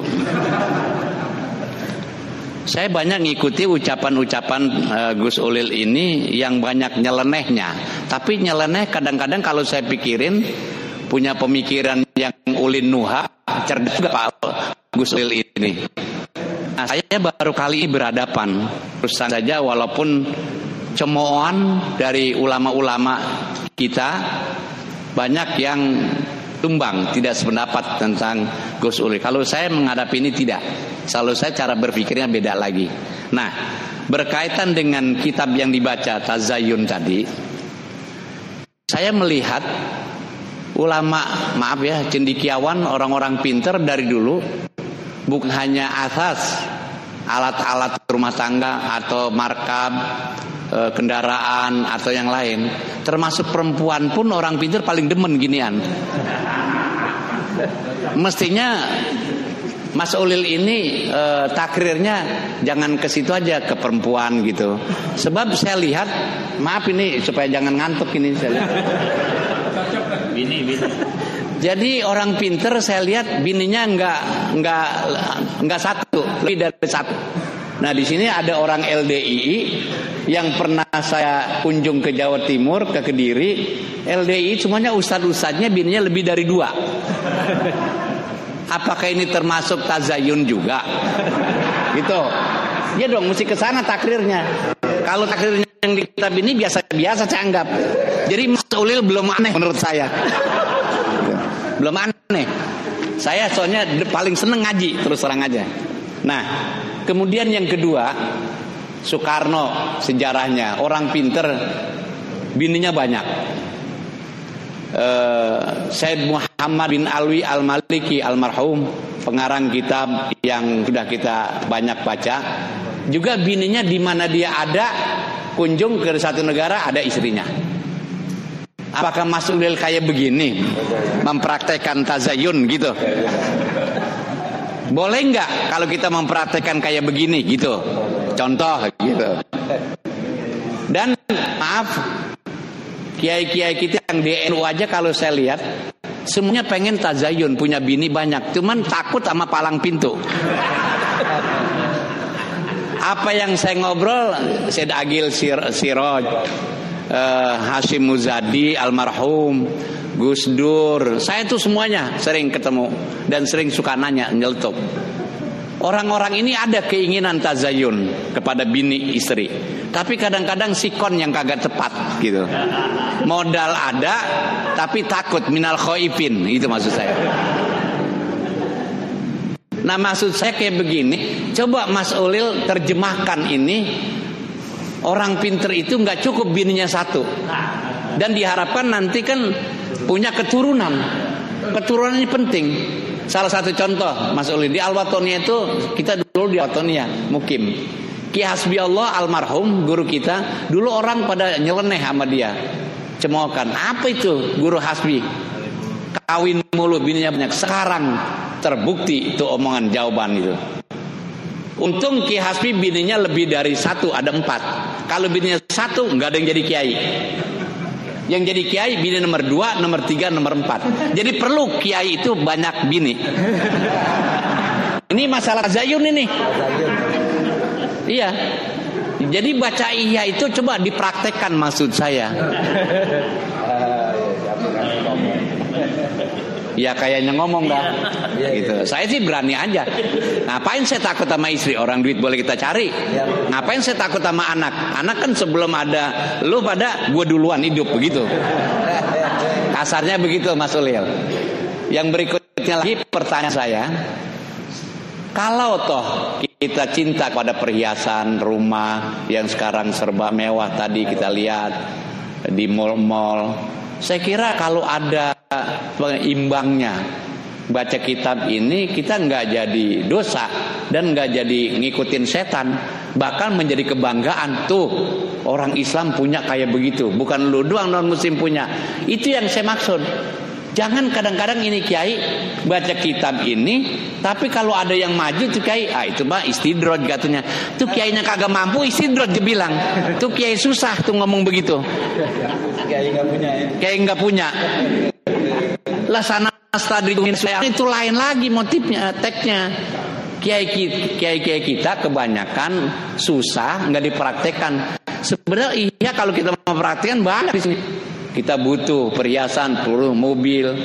Makanya saya ada yang bilang kiai kiai ah saudri itu terlalu eh, apa namanya mewah ngada-ngada. Lah saya ngada-ngada emang duitnya ada saya beli mobil banyak. Semua mobil saya beli gitu. Nah masjid kayak begini saya bangun. Mana ada kiai bisa bangun masjid begini? Paling nggak kan kocok-kocok di jalanan pakai kaleng kerupuk ini kan jadi setahun dua bulan jadi masjid kayak begini megah atas bawah nah maksud saya uh, Gus Ulil ini baca iya boleh, tapi kira-kira wawasan cara berpikir takrirnya bagaimana memajukan umat Islam ke depan gitu. Kalau yang biasa-biasa mah saya ngapain ngaji lagi begini? Orang saya juga paham begini. Gitu. Nah itu terima kasih sanggahan saya. Kalau toh itu merupakan pertanyaan tolong dijawab. Uh, contoh mau cetung bininya ribuan. Kita lihat di Cina kamarnya memang gitu banyak. Nah orang Islam boleh nggak kayak begitu dengan niat memperbanyak umat. Mau cetung kan begitu, Cina. makanya Cina sekarang anaknya banyak, walaupun emaknya nggak ketahuan gitu. Nah boleh nggak kiai? Makanya ada kiai di sini nih, maaf ya di Kerawang, kiai istrinya lebih dari empat, hmm, ada yang delapan. Jadi kalau ditanya jangan jawab katanya, lu juga pada paham begitu. Nah Apakah ada hukum begini? Boleh sembilan. Sebab masna wasulah sawaruba terjemahnya beda-beda. Nah kiai ini saya sebut namanya dah Kiai Junaidi Al Baghdadi dari Jawa Timur itu Jawa Timur juga masih keluarganya Mas Olil juga kalau saya lihat gitu. Jadi istrinya itu kalau pengajian dibawa enam enam enamnya naik kuda lalu rumahnya berderet Nah, apakah ini menyalahi juga? Sebab saya bilang tafsir-tafsir ulama kita macam-macam. Nah, inilah yang saya maksud kecer kecerahan ini Mas Ulil bisa me menjabarkan kepada teman-teman. Kalau ngaji begini kan ngaji namanya ngaji lekar di kampung. Maksud saya ngaji ini kan yang dihadapi Ulil. Ya Mas Ulil ini kan dikenal Jil yang selalu kontroversi gitu. Saya senang jadi tambah wawasan. Ini teman-teman yang pada datang pengen denger Mas Ulil ini kayak apa sih yang sekarang gitu. Eh tahu tuh dalil keluar. Eh sama sama dia berarti dulu. Imam Ghazali dulu begitu niatnya. Cari ilmu buat cari dunia. Setelah udah mapan berubah dia. Mas Ulil apa begini sekarang gitu sekian terima kasih Assalamualaikum warahmatullahi wabarakatuh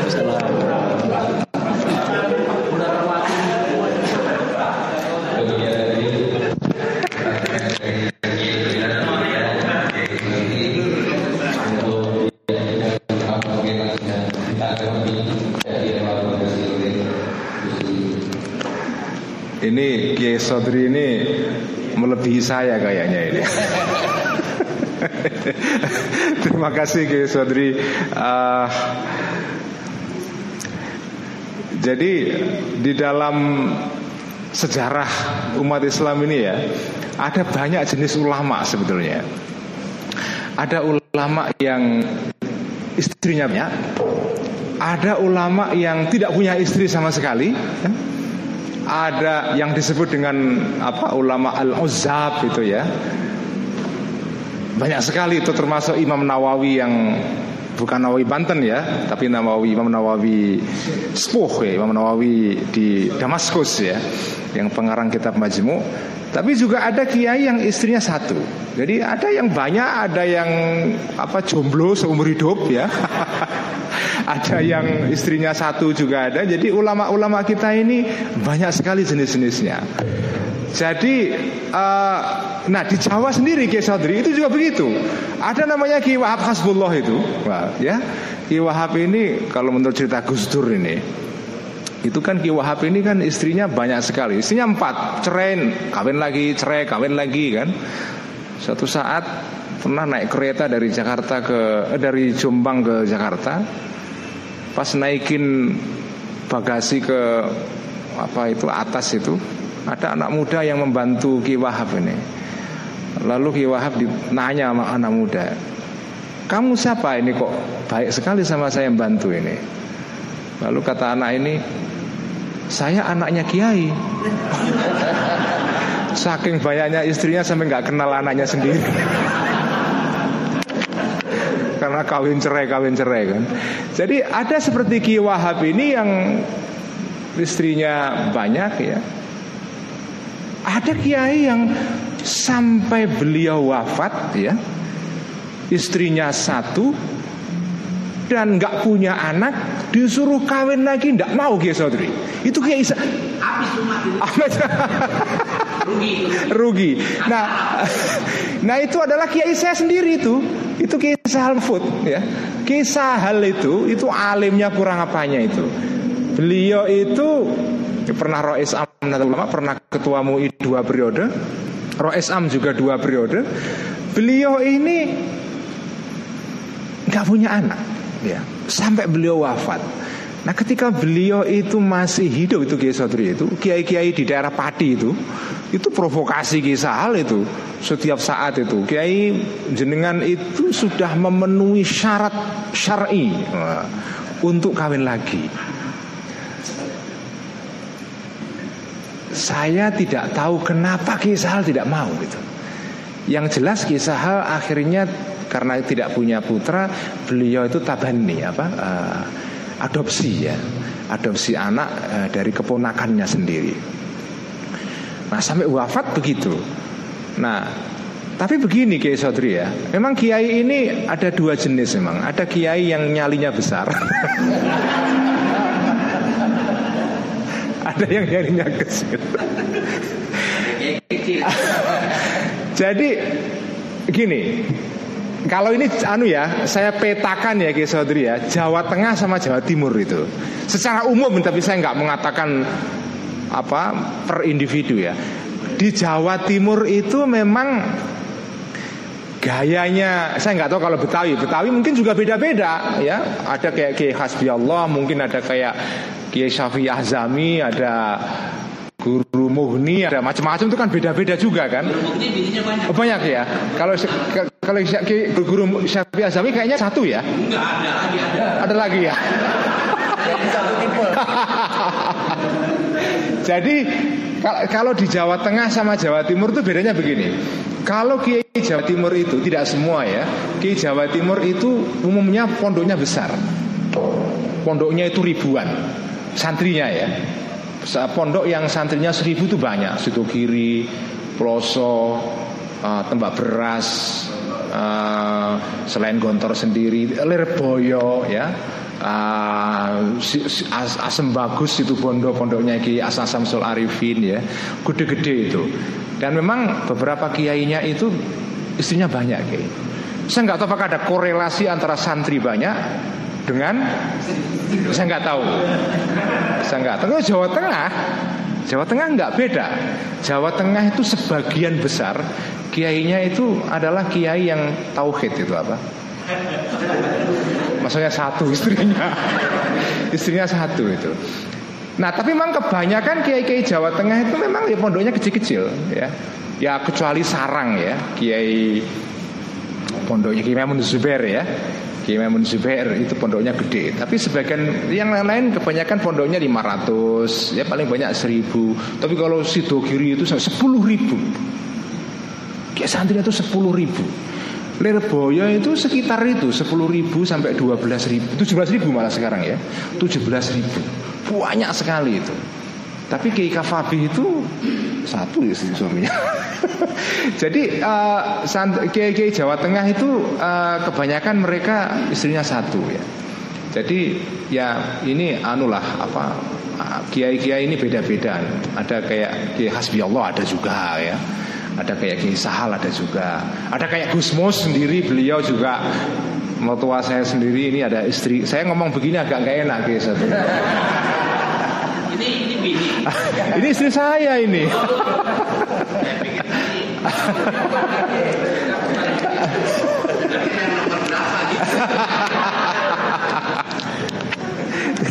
Jadi uh, jawaban saya tidak mau tegas-tegas amat karena uh, apa? uh,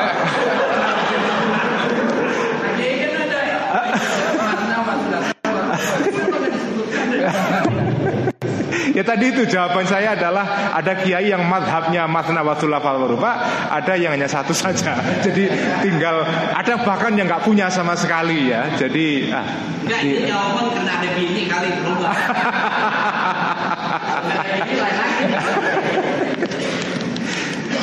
Monggo yang lain. Silakan.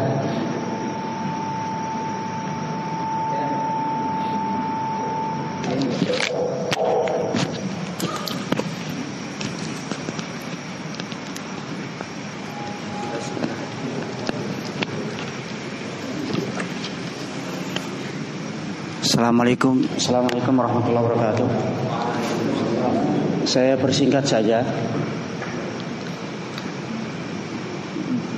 Ngaji kita sekarang ini adalah bab 3 dan 4 Kenapa bukan dari 1 dan 2 Apa tidak khawatir kualat? Kualat kepada Imam Ghazali. Karena ada seorang ulama besar di sana. Ngomong apa itu kitab Imam Ghazali. Sampai dia kualat akhirnya dikebuk badannya oleh Imam Ghazali. Yang pertama. Yang kedua kita sama-sama maklum di dalam kitab Ihya juga ada namanya Ma'ruf Al-Karbi. Seorang Yahudi akhirnya masuk Islam kemudian tasawufnya luar biasa sampai mengalami mengalami eh, menguasai tasawuf beliau kalah yang namanya Syekh Imam Junaid. Yang pertanyaan saya, kenapa bisa seperti itu? Yang kedua, yang tiga. Tadi kita bicara tentang masalah setan. Bagaimana setan itu bisa masuk ke dalam surga? Tatkala Nabi Adam dan Hawa digoda oleh setan. Yang terakhir, Apakah sama surga Nabi Adam dengan surga kita nanti? Sekian. Assalamualaikum warahmatullahi wabarakatuh.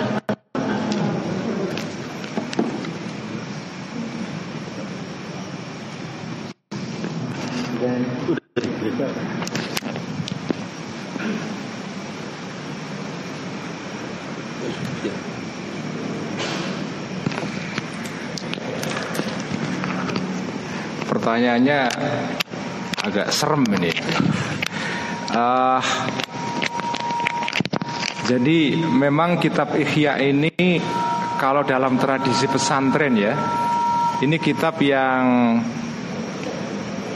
yang ampuh sekali sehingga banyak sekali kisah eh, kisah-kisah yang terkait dengan kitab ini yang menunjukkan keramatnya Imam Ghazali tapi juga sekaligus keramatnya kitab ini ya. Uh, termasuk tadi yang disebutkan oleh uh, Mas yang nanya tadi. Jadi banyak sekali eh, kisah-kisah uh, kekeramatan kitab Ihya itu. Dan teman saya namanya Ustadz Muti Ali nulis buku khusus tentang keramat-keramatnya Imam Ghazali termasuk mungkin sudah ada di pasar baru terbit sekitar tiga bulan yang lalu ya uh, tentang keramat-keramatnya dan keajaiban-keajaiban Imam Ghazali ya. Keramat-keramatnya beliau itu banyak sekali ya. Uh, kitab ini dulu pernah difatwa oleh seorang ulama dari daerah Maghrib Maroko. Waktu Al Ghazali masih hidup kalau tidak salah ya uh, difatwa untuk dibakar jadi pada zaman beliau sendiri itu kitab ini sudah kontroversial sebetulnya. Ini kitab bukan kitab yang biasa karena di awal ketika ditulis oleh Imam Ghazali itu sudah menimbulkan banyak sekali eh, respon-respon uh, yang keras, yang negatif. Karena apa? Ya? Karena antara lain yang dikritik oleh Imam Ghazali di sini antara lain juga para ulama sendiri itu sehingga ada ulama yang memfatwakan untuk dibakar. Dan ya ini kisahnya konon katanya uh, kemudian satu ketika orang yang memusuhi kitab Ihya ini bermimpi ketemu Nabi. Di situ ada Imam Ghazali Imam Ghazali lapor kepada Nabi Nabi ini ada orang yang membenci saya dan membenci kitab saya ini. Kemudian Nabi memukul punggung orang itu Sampai bangun akhirnya Dan sampai bangun itu bekas pukulan kanjeng Nabi itu masih Masih membekas di punggungnya itu. Karena dipukul Nabi karena orang ini memusuhi kitab Ihya. Ada seorang ulama yang mengatakan bahwa jika ini sudah sering saya katakan dalam ngaji mingguan ya, kalau ada seluruh buku di dunia ini kebakar semua, perpustakaan di dunia ini kebakar semua yang tersisa hanya satu kitab yaitu apa? Kitab Ihya ini maka itu sudah cukup untuk bekal hidup orang Islam sampai sampai ke akhirat. Sudah cukup itu. Karena karena lengkapnya kitab Ihya ini karena di sini ada semua hal di situ. Jadi memang keramatnya itu banyak sekali. Pertanyaan berikutnya tadi tentang Ma'ruf Al-Karhi ya. Siapa? Al-Karbi dalam dalam nama lain Al-Karhi ya, Al-Karhi ya. Ma'ruf Al-Karhi ini memang dulunya adalah orang Kristen ya orang Kristen masuk Islam dan kemudian beliau menjadi salah satu ya wali besar salah satu apa ahli tasawuf yang luar biasa ya hidup pada abad 8 Masehi abad ke 3 Hijriah ya. Um, ya satu zaman dengan Imam Junaid ya karena beliau yang mengislamkan ya. Uh, jadi ini salah satu petunjuk bahwa ilmu tasawuf ini punya peran besar sejak dulu sejak awal untuk menyebarkan Islam ke orang-orang di luar Islam. Dan kita tahu Islam itu masuk di Indonesia itu selain melalui pedagang pertama ya, itu kan melalui guru-guru sufi. Sebelum belakangan ada ulama yang ngasih fikih. Pertama kali yang masuk ke Indonesia itu adalah guru-guru tarekat yang menyebarkan tarekat uh, ke masyarakat Indonesia. Itulah yang menjelaskan kenapa Islam yang salah satu ajaran pertama yang populer di kalangan orang Melayu itu adalah ajarannya Ibnu Arabi. Selain Al-Ghazali. Karena memang Islam masuk ke Indonesia itu melalui para guru-guru sufi dulu itu. Selain para pedagang ya. Nah orang Islam itu kemudian mulai orang-orang Indonesia belajar fikih itu belakangan. Ketika sudah mengenal Islam melalui guru-guru sufi ini karena sufi ini kan membawa Islam itu memang sesuai dengan watak orang Indonesia yang dari dulunya itu mungkin kebatinannya itu kuat memang. Orang Indonesia itu kan punya kebatinan lokal ya ketika mereka mengenal agama baru yang dibawa oleh para wali-wali ini, para guru-guru sufi itu nyambung kemudian karena itu Islam kemudian dengan mudah tersebar di sini. Nah, seandainya Islam itu dibawa oleh guru-guru fikih dari awal, mungkin akan lain ceritanya itu. Ya. Yang bawa pertama kali itu guru-guru sufi, guru-guru yang mengajarkan tarekat dulu itu.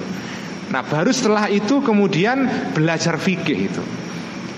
Karena itu saya antara lain alasan saya kenapa baca Ihya dari jilid ketiga, jilid tasawuf ini, karena mengikuti sejarah masuknya Islam di Indonesia.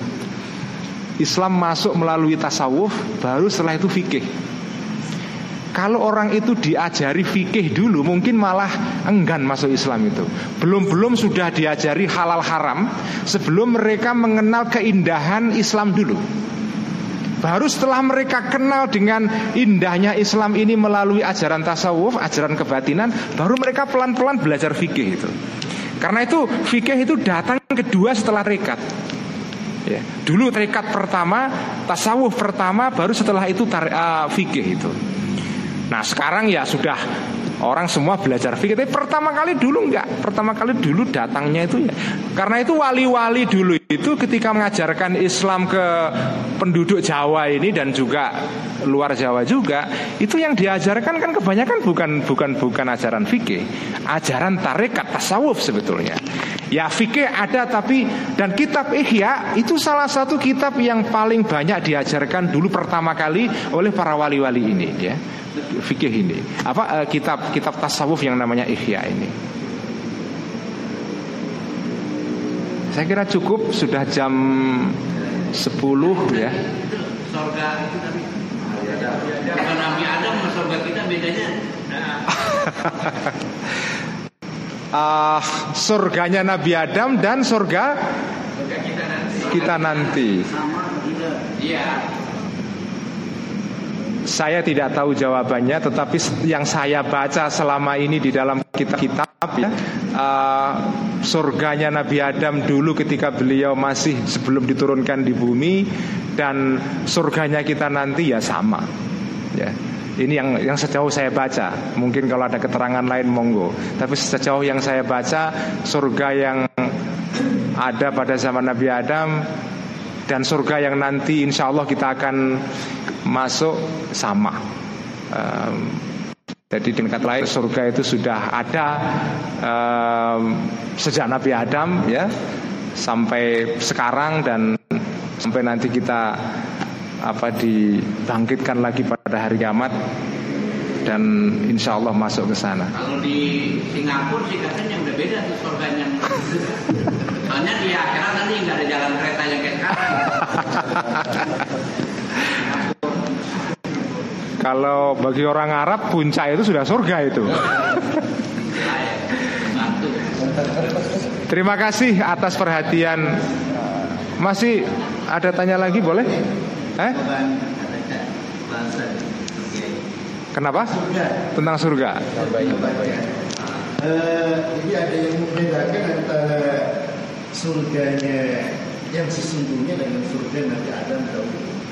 Karena berbagai uh, ayat dalam Al-Quran mengatakan kalau orang sudah masuk surga itu abadi selamanya. Eh ini ada malah keluar dari surga. Maka di salah satu argumentasi bahwa surganya Nabi Adam dengan surga berbeda. Hmm. Kemudian yang kedua, di surga itu semuanya enak. Dalam artian tidak ada lagi halal dan haram. Semuanya halal. Jadi bagaimana kita masuk ke surga sementara masih diharamkan. Anu nggak boleh, anu nggak boleh, anu nggak boleh. Ya namanya bukan surga. Nah di kisah itu di surga mesti ada konsep pengharaman. Pada buah hadis berarti yang makan uh, buah putih mendekat bisa jauh dia berdosa. Nah kok surga seperti ini? Nah ini salah satu argumentasi kedua bahwa surga yang lebih ada surga kita berbeda. Jadi nanti kita masuk surga ya tidak ada lagi istilah dosa, tidak lagi ada istilah halal. Mungkin saya pernah baca ada ulama kontemporer yang mengatakan seperti itu. Boleh juga ya argumennya argumentasinya masuk akal ya. Uh, ya saya tidak tidak menolak argumentasi itu ya. Uh, meskipun kita juga bisa menjawab balik ya bahwa memang surga pada zaman Nabi Adam itu memang surga yang diciptakan untuk Memang tujuannya bukan surga yang dalam pengertian surga semua dihalalkan Tapi ini surga yang memang menjadi latar belakang terciptanya manusia untuk dikirim ke bumi ini sehingga ada skenario dia membangkang kepada perintah Tuhan kemudian diusir dari surga jadi ini surga yang memang uh, di situ tujuannya adalah untuk menjadi mukaddimah bagi munculnya manusia di muka bumi ya. Tapi ya sejatinya namanya al, namanya juga al jannah ya kan disebutnya dalam Al-Qur'an kan uh, apa? Al jannah apa? Uh, kebun apa um, ya. Ya Nabi Adam ditempatkan di surga. Memang ada satu yang diharamkan di situ yaitu asyajaroh ya. Jadi surganya sama cuma surga biadam ini surga yang ada ada di situ. ya, tapi kalau ada yang berargumentasi surga Nabi Adam beda dengan surga kita nanti ya monggo saja. Uh, saya tidak menolak argumentasi itu. Uh, menarik juga, saya baru dengar ini argumentasi ini. Ini pendapat siapa ini? Boleh juga. Ya, terima kasih atas informasinya. Uh, saya kira cukup ya malam ini pengajian Ihya sudah jam 10 dan Oh, masih kurang lagi ini. Monggo silakan. Langsung aja.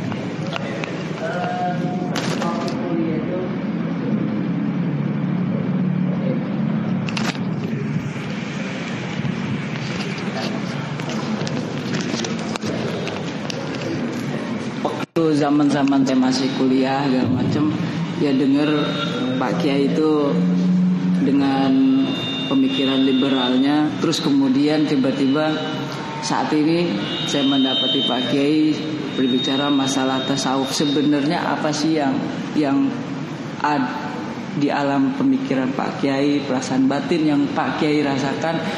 Sehingga saya melihat kayak perahu itu umurnya itu jauh sekali dari apa yang dulu pernah saya tahu tentang Pak Kiai itu. Itu saja Pak Kiai.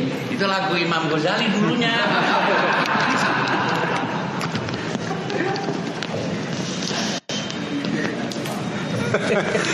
Pertanyaan yang terakhirnya sudah dijawab oleh Ki Sodri tadi itu di pertama itu, ya sudah dijawab tadi itu. Nah, itu tadi saya ada yang ketinggalan tolak ilma. Tolaktul ilma li ghairillah fa'abal ilmu illa lillah. Itu kata-kata Al-Ghazali itu. Al-Ghazali itu. Ya, jadi kali-kali kita sampai dalam nama itu. Iya betul. Jadi tolaktul ilma li ghairillah fa'abal ilmu illa lillah. Jadi aku dulu maksudnya aku Al-Ghazali dulu mencari ilmu tujuannya bukan karena Allah ya. Tapi lama-lama ilmu menuntun saya fa'abal ilmu. Ilmu yang saya cari ini nggak mau Saya tarik-tarik untuk tujuan selain Allah. Pada akhirnya menggeret saya kembali Kembali pada Allah itu. Dan itu itu diceritakan secara detail dalam bukunya Al Ghazali judulnya Al Mungkif Minat Dolal ya. Di situ Al Ghazali pada ujung hayatnya berkesimpulan bahwa karena beliau menjelaskan ada beberapa jenis kebenaran. Kebenaran ala orang ahli kalam, al mutakallimun atau orang-orang ahli teologi. ada kebenaran menurut ahli filsafat, ada kebenaran menurut ahli kebatinan kalau orang-orang taklimiyah atau orang syiah Ismailiyah ketika itu dan kata Al-Ghazali ini kebenaran-kebenaran ini tidak memuaskan saya saya sudah pernah mencobai satu persatu kebenaran teologi Al-Ghazali itu gurunya sendiri ahli teologi, ahli kalam Imam Juwaini itu itu adalah ahli kalam, salah satu tokoh kalam dalam madhab Ash'ari. Al Ghazali belajar ilmu kalam sampai ke ujung terjauh. Al Ghazali mengatakan, saya sudah belajar ilmu kalam sampai sejauh-jauhnya. Saya kok nggak menemukan ketenangan batin, kira-kira gitu. Kenapa? Sampai Al Ghazali itu dalam kitab Ihya mengatakan um, dalam salah bab di sebelumnya mungkin ya beliau mengatakan alaikum bi imanil ajais alaikum bi imanil ajais kamu itu kalau beriman ya iman orang sederhana orang-orang yang orang bodoh-bodoh yang sederhana yang enggak terdidik karena kadang-kadang orang yang awam itu imannya justru lebih kokoh daripada orang yang terpelajar Benar yang pintar banyak yang mulu. iya Kiai Sodri ngaku gayanya itu. Jadi orang-orang awam itu kadang-kadang imannya jauh lebih tulus, lebih jujur, lebih ikhlas daripada imannya orang-orang yang tinggi-tinggi yang S2 itu. Kadang-kadang terlalu banyak diskusi kan, akhirnya malah imannya itu uh, tidak kokoh itu. Karena itu dalam sebuah hadis Nabi pernah menyabdakan begini Aktsaru ahlil jannati al-bulhu Kebanyakan penduduk surga itu orang bodoh-bodoh Aktsaru ahlil jannati al-bulhu Jangan lupa ya Memahami hadis jangan sembarangan ya. Hadis ini memang artinya Kebanyakan ahli surga itu Penduduk surga itu orang bodoh-bodoh Maksudnya apa? Apakah menganjurkan orang Islam tidak sekolah? Yang enggak begitu. Artinya itu adalah agama Islam ini agama untuk semua orang. Ini bukan agama orang elit saja, ini bukan agama orang S3 saja. Nabi itu bersabda, kebanyakan orang yang di surga nanti itu orang bodoh. Kenapa? Ya faktanya kebanyakan orang itu pendidikannya rendah memang. Karena itu yang masuk surga kebanyakan mereka Bukan orang pinter-pinter Karena orang pinter itu sedikit Orang yang S1 itu berapa sih di Indonesia itu Jumlahnya kan sedikit sekali Jadi Nabi ini sebetulnya toleran kepada orang-orang bodoh-bodoh ini Supaya memberikan mereka motivasi Jangan sampai Jangan sampai ada orang mengira agama Islam ini hanya agamanya anak-anak S3 UIN saja ya. Agama Islam ini agama untuk Ini agama yang demokratis Orang-orang awam kayak kalian kayak saya kayak kalian-kalian ini masuk surga juga gitu loh. Jadi ini kayak motivasi buat kita juga. Tapi ini menarik. Jadi Al Ghazali itu ini ini kisah bukan hanya kisah Al Ghazali tapi juga kisahnya Imam Fakhrul Razi juga ahli kalam yang luar biasa yang ngarang apa tafsir apa itu Mafatihul Ghaib eh ya tafsir Ar-Razi itu beliau katanya di ujung hidupnya juga mengatakan yang sama. Setelah aku belajar teologi macam-macam, akhirnya saya kesimpulannya paling aman dan enak adalah imannya orang sederhana. Tidak rumit, nggak usah pakai argumentasi filsafat macam. Nah itu kata Al-Ghazali Saya pernah memasuki kebenaran orang-orang ahli teologi ini nggak puas Masuk kebenaran ala ahli teologi filsafat Beliau pernah nulis buku filsafat juga Al-Ghazali pernah nulis buku Maqsidul Falasifah tentang filsafat. Enggak puas juga Akhirnya Al-Ghazali dalam ujung-ujung hayatnya mengatakan Saya akhirnya sampai kepada kesimpulan Kebenaran yang membuat saya merasakan adanya kepastian Adalah kebenarannya orang-orang ahli tasawuf. Itu jawaban saya. Apakah saya atau tidak saya nggak tahu. Tapi itu juga sedikit saya rasakan juga Terima kasih. Uh, semoga bermanfaat pengajian pada malam hari ini. Kalau ada kekurangan mohon maaf. Akhirul kalam wallahul muwaffiq ila tarik. Kita tutup dengan bacaan hamdalah alhamdulillahirabbil alamin. Wassalamualaikum warahmatullahi wabarakatuh. Kiai Satri monggo ditutup dengan doa.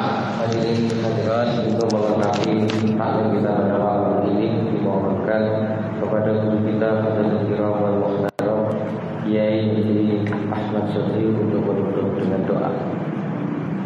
sebagainya. Yang paling dendam politik sampai mati neraka itu dia. Menurut saya.